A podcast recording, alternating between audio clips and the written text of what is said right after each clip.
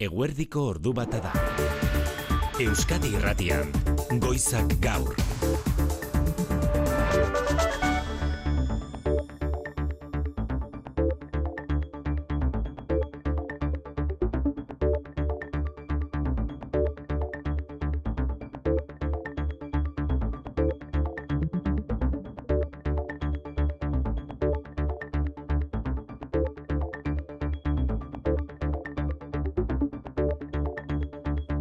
Arratsaldeon guztioi. Gasteizen amaitu berri da Borja Lazaroren senide eta lagunek deituta egin duten bilkura. Hamar urte dira Gasteiztarra Kolonbian desagertu zela eta oroimena bizirik mantendu eta kasu ez dezatela itxi eskatzeko elkartu dira. Igor Garzia Beitia Borjaren laguna da. E, kontua da hamar urtez e, hori pasatzen dela zenean, ba, bueno, legeak esaten du hilda dagoela, baina gu jarraituko dugu itxaropenarekin eta aldarrika aldarrikatzen dugu ba e, kasua existea eta bilaketa jarraitzea.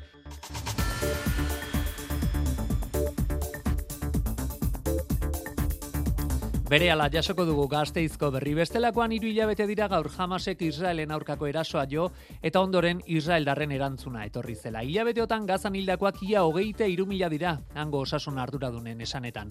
Jamasek bere aldetik dozenak Israel ditu oraindik baituta. Asteburu honetan Ameriketako Estatu Batuetako eta Europar Batasuneko diplomazia buruak gatazka ekialde hurbileko herrialde gehiagotara edatu ez dadin aleginetan ari dira. Anthony Blinken Ameriketako Estatu Batuetako Estatu idazkariak Jordanian esan du palestinar gehiegi direla dagoeneko. Far too many Palestinians have been killed, especially children. Far too many uh, Batez ere umeak eta gazako herritar askok janaria ura eta botikak lortzeko zailtasun handiak dituztela ohartarazi du. Horregatik giza laguntza areagotzea derrigorrezkoa dela gaineratu du. Gurean ikuskizun dugun negu giroak eta bihartik aurrera oporren ostean ikasleak eskolara eta behargin asko lantokira itzultzeak gripe eta covid kasuen gorakadan zein eragin izaten duen gogora ezagun osasun ministerioak ospitaletan musukoaren erabilera derrigorrezkoa izatea eskatuko diela autonomia erkidegoei. Momentuz Euskadin bezala Nafarroan ere gomendioa baino ez da. Eta gabonak pasata merkealia iritsi da gaur, Nafarroan hainbat saltoki handi zabalik dira. Horregatik, ela sindikatuak protesta egin du. Patronalari ez ezik, foru gobernuari ere eskaera zuzena egin diote langileen atxedenerako eta kontziliaziorako eskubideak bermatzeko saio aurriza elako kidea da. jai eta eta igandeetan merkataritzan ez irekitzeko eskubidea, izan ere, e, esan behar dugu patronalak jai egun eta igandeetan irekitzea eskatzen duela eta Nafarroako gobernuak onartzen duela. Beraz hemen e, bi ardura du nagusi daude, bai patronala eta bai Nafarroako gobernua aukera dutela hau erregulatzeko eta eta ez dutela egiten ari. Loiuko aeroportuko berri ere emango dizuegu, Iberiako lurreko zerbitzuko langileek hirugarren greba eguna dute gaurkoa eta gaur jende asko oporretatik bueltan datorrela eta aurreko egunetan izandako gora berak areagotu egin dira. Ordu bat aterdietan kirolei tartea, zer da ordu honetan azpimarratu beharrekoa, Xabier Muru, Arratsaldeon. Arratsaldeon F Liga bia puntu urteko lehenengo neurketak eh, jokoan lezaman atletik eibar derbia, zurigorriak aurretik bat eta huts, zubietan reala irabazten oraingoz, Granadillaren kontra bi eta bat, kopako final amasirenetan amore bieta, Zeltaren kontra galtzen hasiarren irabazten ari da bi eta bat. Arratsaldean beste hiru neurketa ipuruan Eibar Atletik derbia zazpietan, Osasunak Castellonen jokatuko du lauretan, Realak Malagan gaueko bederatzietan, eta labesek lanak ondo genditu, Barte Mendizorrotzan betisi irabazita. Eskuz bibitako txapelketa, etxabarrin itzordua, Artola eta Imaz, Peña eta Albizoren kontra, bibikotek iruna garaipen dituzte, Garazen superprestigioko finala, Pello Larralde eta Luis Sánchez aurrez aurre, eta Elgoibarko nazioarteko korsa, mintxetako zirkuitu guztian, emakumezko lasterketa amaitu berria, Beatriz Txebet Keniarrak irabazeko. Euria kostaldean eta elurra barnealdean goizean 600 metro zazpitik ere bai leku batzuetan horixe igandeak ekarri diguna, datozen orduetarako iragarpena, jaione munarrizek euskalmetetik, arratsaldeon jaione. Kaixo arratsaldeon, eh, arratsaldean zaparradak eh, gero eta ulagoak izango dira eta terruneak eh, luzatuz joango dira, baina giroa hotza izango da. Elurko eta 800 eta 900 metro inguruan kokatuko da arratsaldeko lehen orduetan eta gauean eh, 700 eta 800 metro ingurura jeitsiko da. Astelenean beraz, e, zaparrada batzuekin hasiko dugu eguna, han eta hemen botako ditu, baina egunak aurrera ginala atertu ze joango da. Hala arratsaldean denean eh, atertuko du. Beraz, e, giroa baretuz doa, baina hotzetik jarro du. Errepidetan, zein ondorio ari da izaten negu giroa, ekaitzagirre arratsaldeon zuri ere. Arratxaldean unai, arreta eskatu zuian, Nazional 6 BB errepidean gazteizko norantzkoan auto baten istripuaren ondorioz, erreietako bat itxita dagoelako. Gainerakoan errepide saren nagusian ez dago, zirkulaziorako aparteko eragozpenik, baina elurra eta izotza tarteko araba eta nafarroako bigarren mailako errepideetan arretaz gidatzeko gomendioa. Aitor Arzelus eta Igor Martínez de Lezea teknikan eta errealizazioan ditugula, aurreratutako gai hauek eta beste batzuk banan-bana aletzen hasi behar du. Euskadi Irratian, Goizak Gaur. Unai Urreaga. Ekialde hurbileko berri beste zer baino lehen, esan dizuegu hiru hilabete direla Hamasek Israelen kontra aurrekaririk gabeko erasoa jo zuela. Israelgo gobernuak gerra deklaraziotzat hartu zuen erasoa eta erantzuna agindu zuen. Berehala hasi ziren airetik eta itsasotik Gaza bombardatzen eta gerora tropak Gazan bertan ere sartu ziren. Mikel Aiestaran lankidea da, Ekialde hurbileko gure berri emailea. Arratsaldeon Mikel. Arratxaldeon. Gerra luzea izango zela ohartarazi zuen Benjamin Netanyahu Israelgo lehen ministroak hasieran mendebaldeko herrialdeen babesa ia erabatekoa izan zen, baina gerora milaka zibilen hilketak ikusita tentuz jokatzeko mezuak ere jaso ditu Israelek zein puntudan gaudela esan genezake.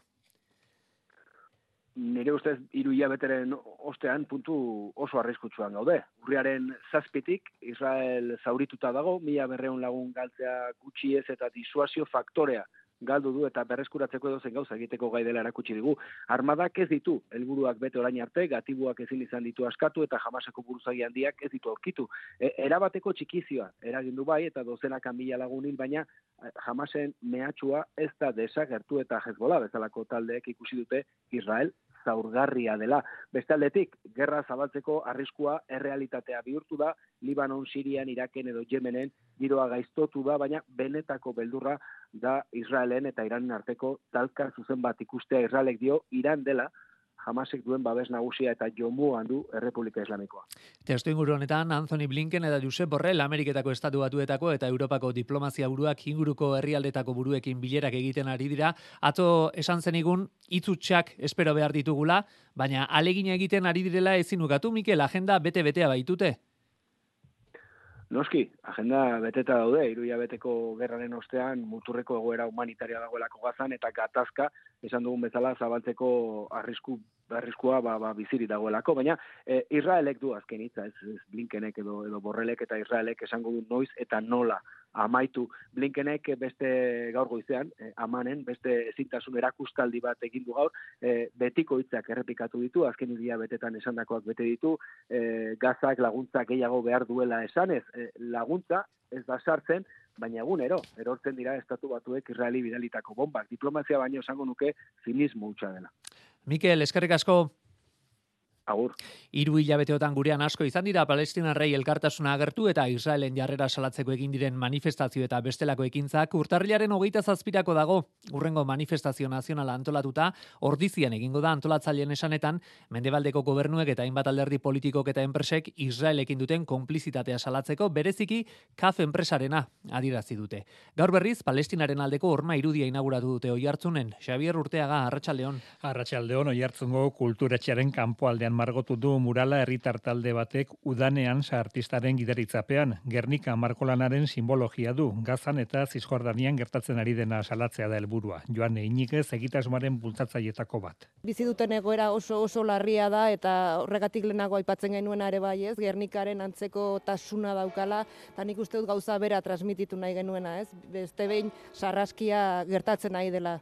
Hasierako manifestazio handiak eta ekitaldi andanaren ondoren Palestinaren aldeko ekimenak gutxitzen ari direla ikusita ormairudia gertatzen ari dena gogoratzeko modu egokia dela uste du Iker Sarriegik. Ikusten dugu pixkat jetxi dala mobilizazio hori eta mural batek ematen dizuna da pixkat jarraipena ba, ikusteko eta eta ba, usnartzeko pareta bat, ez?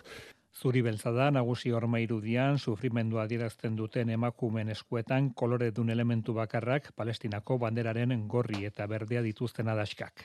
Ordu bat eta amar minutu, bestelakoan urte hurren bat gaur nabarmendu beharrekoa. Amar urte dira Borja Lazaro gazteiztarra Kolombian desagertu zela. Argazki erreportaje bat egitera joana zen. Haren lagun eta senidek bilkura egin dute eguerdian gazteizen. Oroimena bizirik mantendu eta kasu ez tezatela itxi. Eskatu dute iratxe izagirre arratsaldeon. Baita zuri ere unai, zure zain gaude Borja goiburupean elkarretaratzea egin dute urrezko zeledonen plazan gazteizen Borja Lazaroren sorterrian desagertu eta amar urtera gorpua azaltzen ez dela ikusita hildela registratzeko tramiteak hasi dituztela adirazi du familiak, baina nola nahi ere dolua behar bezala egiteko behintzat ikertzen segitzeko beharra aldarrikatu dute senide eta lagunek. Igor Garzia Borja Lazaroren laguna Euskadi irratian izan dugu. Zaintzak, Eusko Jalaritzak, Espainiako gobernuak mugitzea, mugitu behar dutena, ba, han Kolombian e, jakitea zegertatu den, borjarekin, eta bintzatez jakintasun hau desagertzeko ez da.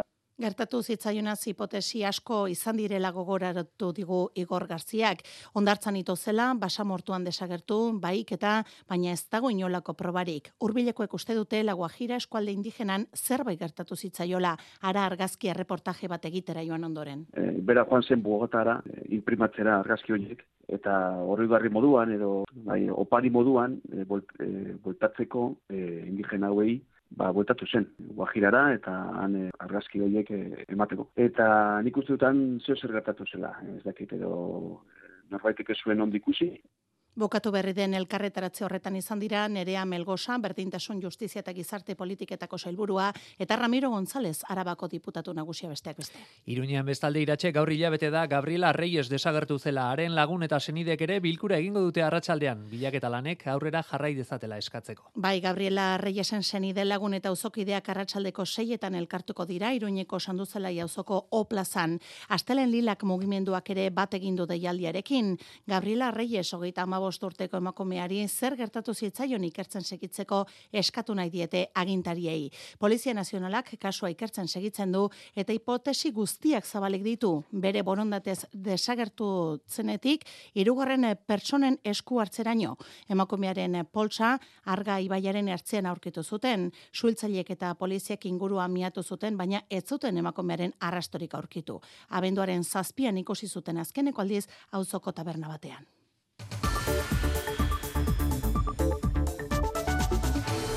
Politikan, Gabonetako ospakizunak igarota Eusko Legebiltzarrerako hauteskundetara begira alderdiak naiz eta oraindik ez dakigun hauteskundeak noiz egingo diren. PS Euskadiko ezkerrak ekitaldi egin gaur Bilbon, Gazteria Sozialistaren 120 garren urteurrena oroitzeko. Bertan eneko handu eza lehendakari gaiak sozialistek egindako lana goraipatu du eta jeltzalekin gobernuan dauden arren alternatiba erreal bakarra direla berretsi du. Are gehiago, bere asmoa lehendakari izatea dela esan du. Ane Agirre Arratsaldeon. Arratsaldeon bai, hauteskunde kutsuko ekitaldi egin du eneko handu eza sozialista sozialisten buruak esan du datorrenari aurregiteko pres direla, zailtasunak zailtasun, sozialistak kudeak eta eraginkorraren eta erakunden egonkortasunaren berme direlako. Bereziki gaztei zuzendu zaie, bide aldaketa ahalbideatu dezaten eskatuz. Eneko handu ezapeseko idazkari nagusia eta sozialisten lehendakari gaia. Urte zailak izan dira, baina herritarrentzat tresna baliagarria izan gara sozialistok, dudarik gabe. Gaur, benetako alternatiba bat gara alternatiba sendo bezala aurkeztu gaitezke eta ez beste alderdien laguntzaile gisa. Zuei, guztioi, eseri ezuko egiteko eskatzen dizuet. Esan duzu bere asmoa lehendakari izatea dela eta azken hauteskundetako emaitzeia epamena eginda ba bai kormintzatu da. Euskadik sozialisten gidaritza behar du eta eneko handu ezan erintzetan herritarren benetako kezkei erantzuteko politikak egiteko batez ere eta Euskadi eraldatzeko. Euskadiko Sumar eta Podemos aldugu elkarrekin aurkeztuko diren erabakitzeke oraindik hori zehaztu gabe bere hautagaiak erabakitzeko prozesua bihar bertan jarriko du martxan Podemosek.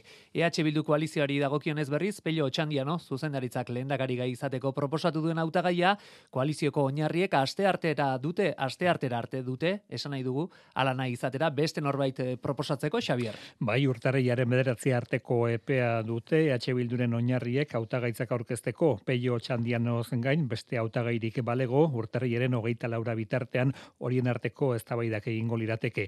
Hautagaitza bakarra badago aldiz, asambladak aztertu eta oinarriek bozkatu ostean urtarriaren ama bostean aurkeztuko dute. Podemosek bestalde biarasiko du primariotarako bidea.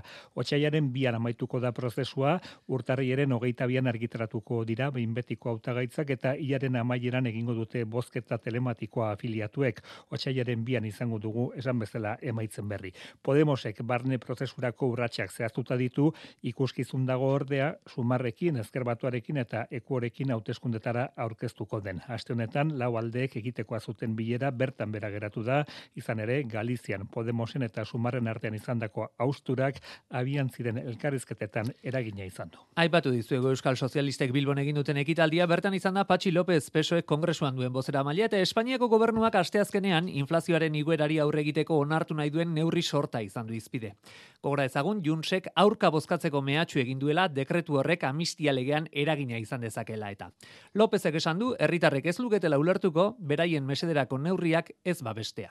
Nosotros vamos a hablar hasta el último minuto desde el convencimiento de que estos decretos se van a aprobar, porque no es entendible que haya quien haya apoyado a un gobierno progresista y luego cuando Pentsioen igoera edota zenbait elikagairen bezaren jaitshiera daudela neurri horien artean gogoratu du Patxi Lopezek. Guggenheim urdaibai proiektua sutsuki defendatu du gaur lexuri Arrizabalaga Bizkaiko kultura diputatuak eta adirazi du egin egingo dela Gernikako udalean gerta daitezkenak gerta daitezken aldaketek alegia ez dutela inolako eraginik izango eta ez dutela proiektua geldiaraziko.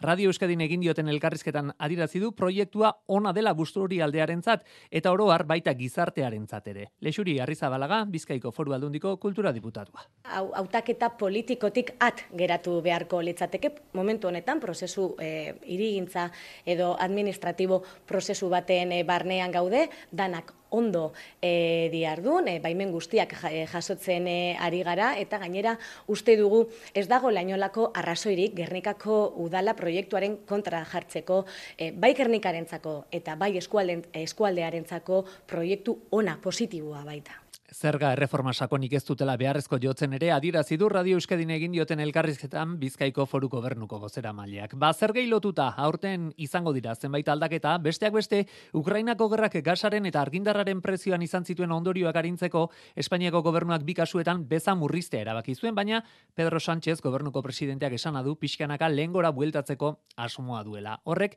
bezeroengan izango duen eragina izan du izpide. Aitor Urresti EHUko irakasleak eta energia gaietan adituak amara una saioan, Ander Altuna, Arratxaldeon.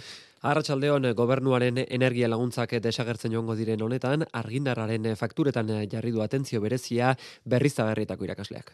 E, gazaren prezioak zuzenean merkatu erregulatuan e, prezioak finkatzen dago gobernuak, eta orduan tur tarifa famatu, baina pasadan urtean behin baino gehiagotan aipatu genuna, e, tarifa horren bidez prezioa ba, bueno, nahiko egonkor mantentzen dago eta orduan e, horrez dauka horren beste garrantzirik bezauneko gita batera igotzea. Mm. Elektrizitatearen kasuan baitzen gobernuak ez dauka horren besteko esku sartzerik nola esaten e, merkatuko prezioak e, ba, bueno, sentzuzko prezio batzutan mantentzeko. Mm argindarraz ari garela. Tarifarautuak nolabait gobernuak kontrolatzen duen horrek aldaketak izango ditu hemendik aurrera eta pixkanaka epe ertain eta luzeko prezioak ere kontuan hartzen hasiko dira fakturak egonkortzeko asmoz. E, itorkizuneko e, energia hauen salmentak bereziki energia berriztagarrietan oinarritzen dira. Eta hauek ez daude etorkizuneko merkatuaren mm, menpe. menpe, ez? Orduan, horiek nahiko prezio egonkorrak dira.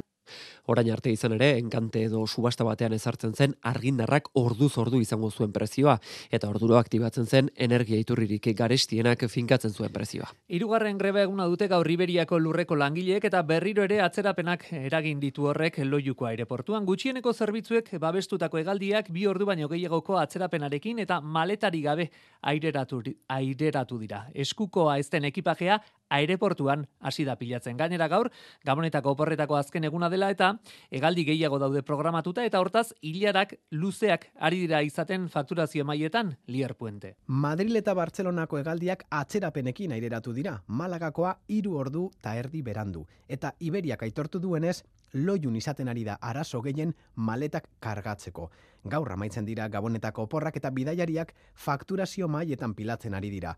Baina sintek ez dute maletarik jasotzen.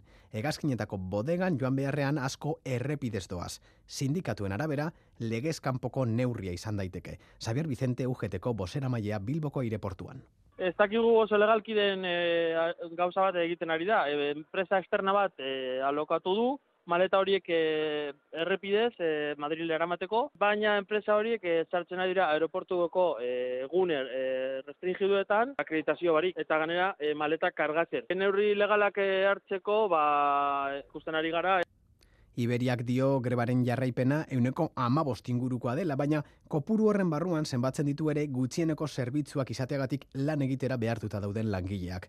Grebarako eskubidea erabildezaketenen artean jarraipenaia erabatekoa da loiun gure aldetik jarraipena, zerbitzu minimoak zituzten langileak eh, kontuan hartun da, euneko eunekoa da, ez daude lan egiten. Baina, noski, zerbitzu minimoak euneko larogi baino e, gehiagokoak dira, gehiagizkoak dira. Grebak guk uste baino eragin handiago du, hori ezan behar dugu. Gu ere, eh, pixkat harrituta gaude, ba, langileak e, eukiduten jarrera egin.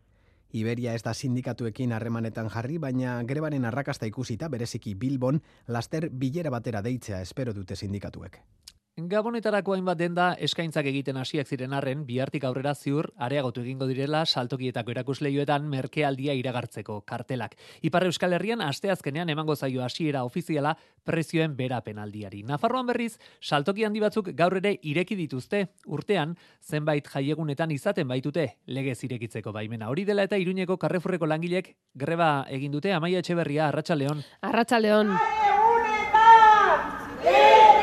Iruñako Carrefour saltokiaren atarian protesta egin dute langileek gaur igandea izanik ateak zabaldu dituztelako.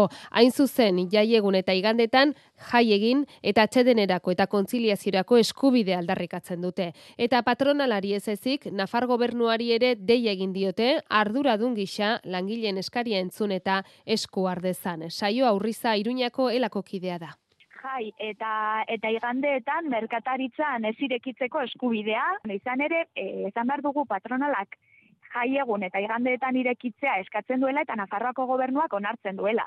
Beraz hemen e, bi ardura du nagusi daude, bai patronala eta bai Nafarroako gobernua aukera dutela hau erregulatzeko eta eta ez dutela egiten ari.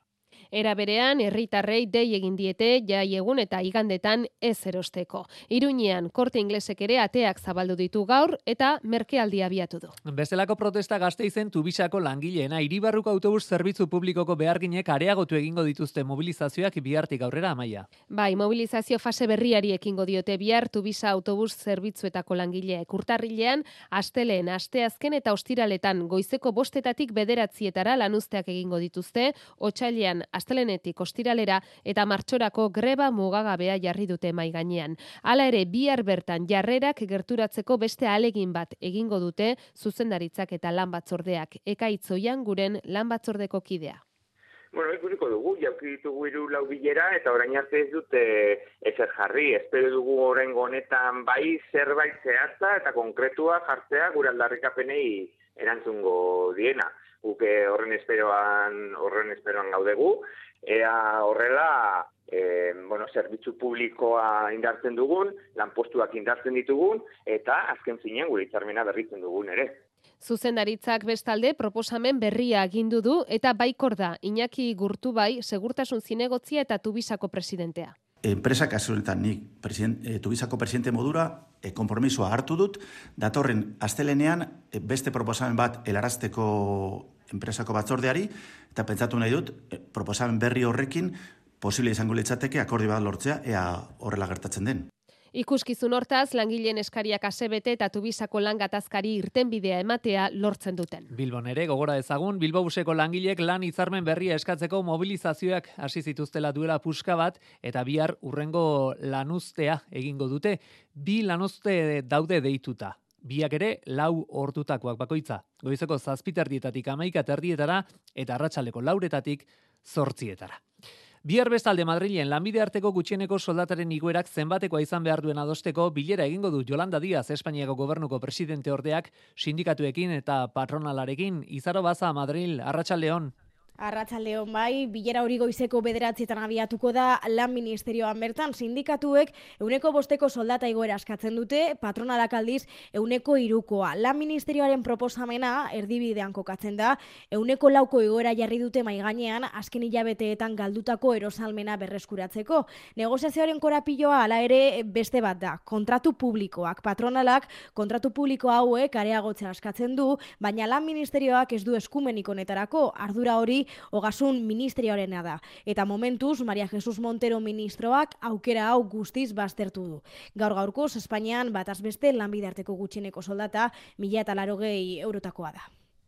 Gogora ezagun, gurean, ela eta lab sindikatuek, Euskadin eta Nafarroan, lanbide arteko gutxieneko soldata, mila eta lareun eurokoa izatea eskatzen dutela. Ikusiko dugu, biharko itzorduak emaitzarik ematen duen, eta beste gai baten inguruko bilera ere bai bihar Madrilen. Osasun ministerioak erkidego autonomoi eskatuko die, ospitaleetan musukoaren, maskararen erabilera derrigorrezkoa izatea. Jaurlaritzak eta Nafarroako gobernuak momentuz, ez dute bai bileran parte hartuko dutenik, eta gogora ezagun gurean, gaur gaurkoz, maskara erabiltzea gomendioa baino ez dela izaro.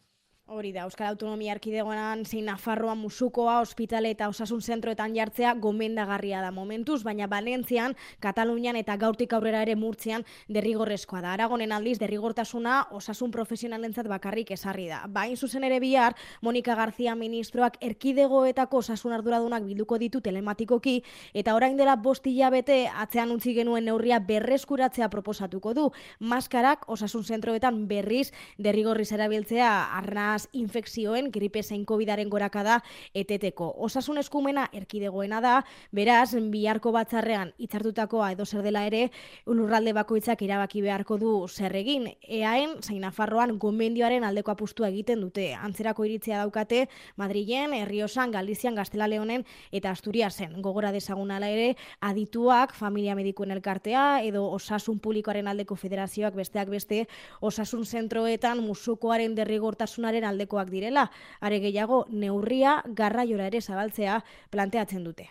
Ordu bata eta hogeita sei minutu, Frantziako Asamblea Nazionalak inmigrazio legea onartu eta egun batzuetara, kontu epaitegiaren txostenaren berri izan genuen ostiralean. Txosten horren arabera, abiatzen diren kanporatze prozeduretatik euneko amar baino ez dira gauzatzen gainera, sistema oso garestia eta ez dela eraginkorra dio kontu epaitegiak. Bien bitartean, abenduan Asambleak onartutako legea muturrekotzat jotzen dute hainbat elkarte sindikatu eta alderdik. Kanporatzeko erraztasunak emateaz gain, familiak elkartzeko zailtasunak jartzen dituela diote. Orain legeak, konstituzio kontseilu konstituzioaren azterketa pasa beharko du. Puntu denek, konstituzioa betetzen duten edo ez ikusteko. Horren zain gautela, zenbait migratzailearekin hitz egin du Aitor Sagartzazu lankideak. Kezka eta arrangura sortzen die bereziki lege berriak. Egoera komplikatu badela kontatzen du Baionan bost urte dara matzan Senegaldarronek. Sans papier, ça aussi, c'est un peu compliqué. Paperik gabe laguntza sozialak lortzeko zailtasunak izango dituztela deitoratzen du, eta poliziak egoera horretan topatzen badu, iru mila eta zazpiron euroko isuna jasotzeko arriskua izango duela. Aitzitik beltzen lan egitera behartua da, eta lapurdiko hiriburuan gelditu nahiko luke. Beste kamerun darra hau duela bi urte heldu zen Euskal Herrira. Immigrazio legeak min egiten diola onartzen du, eta ez duela atera biderik ikusten. Jadanik egoera gogorra bada, orain bizitza ezinezkoa egingo zaie.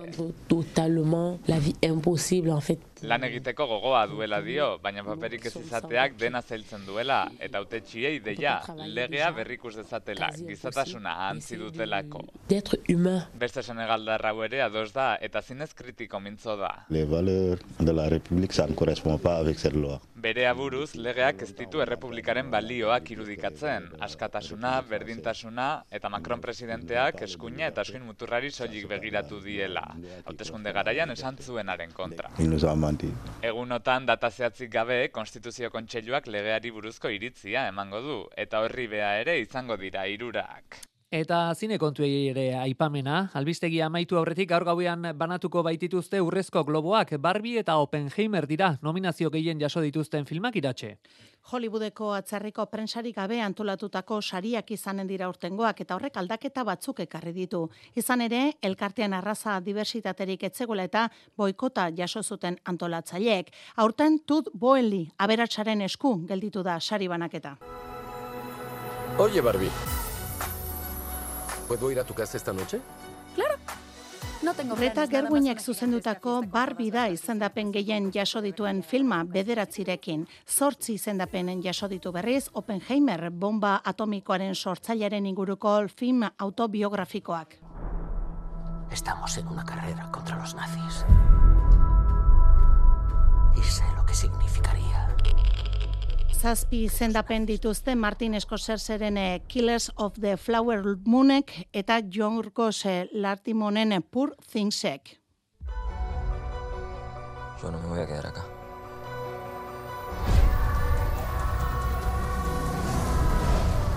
Ingelesez ez diren filmei dagokienez, eh, pelikula honenaren izendapena Juan Antonio Bayonaren La Sociedad de la Niebek jaso du. Beverly Hillsen, Kalifornian egin den larogeita batgarren edizioa, joko aktoriak aurkeztuko dulen aldiz, hemengo goizaldeko ordu batean hasita. Eta orain gurean, ordu bat aterdiak jo dituenean, errepidei biztadizua, ekaitz agirre gora berarik bai? Bai, arreta eskatu hando bainen, ama bostean, dorostiako norantzkoan, bi autoren arteko istripua gertatu berri da eta trafikoa oztopatzen ari dira. Leioan, bizkaia sei iru zazpi errepidean, sopelako norantzkoan, beste bi autok izan dute istripuan eta erreietako bat itxita dago eta zornotzan apezortzian, bilborako norantzkoan, auto batek istripua izan du eta ezkerreko erreia oztopatzen ari da. Gogora ezagun eh, Euskal Metetik eh, zer esan diguten, datozen orduetan zein giro izango dugun jaione munarrizek iragarpena.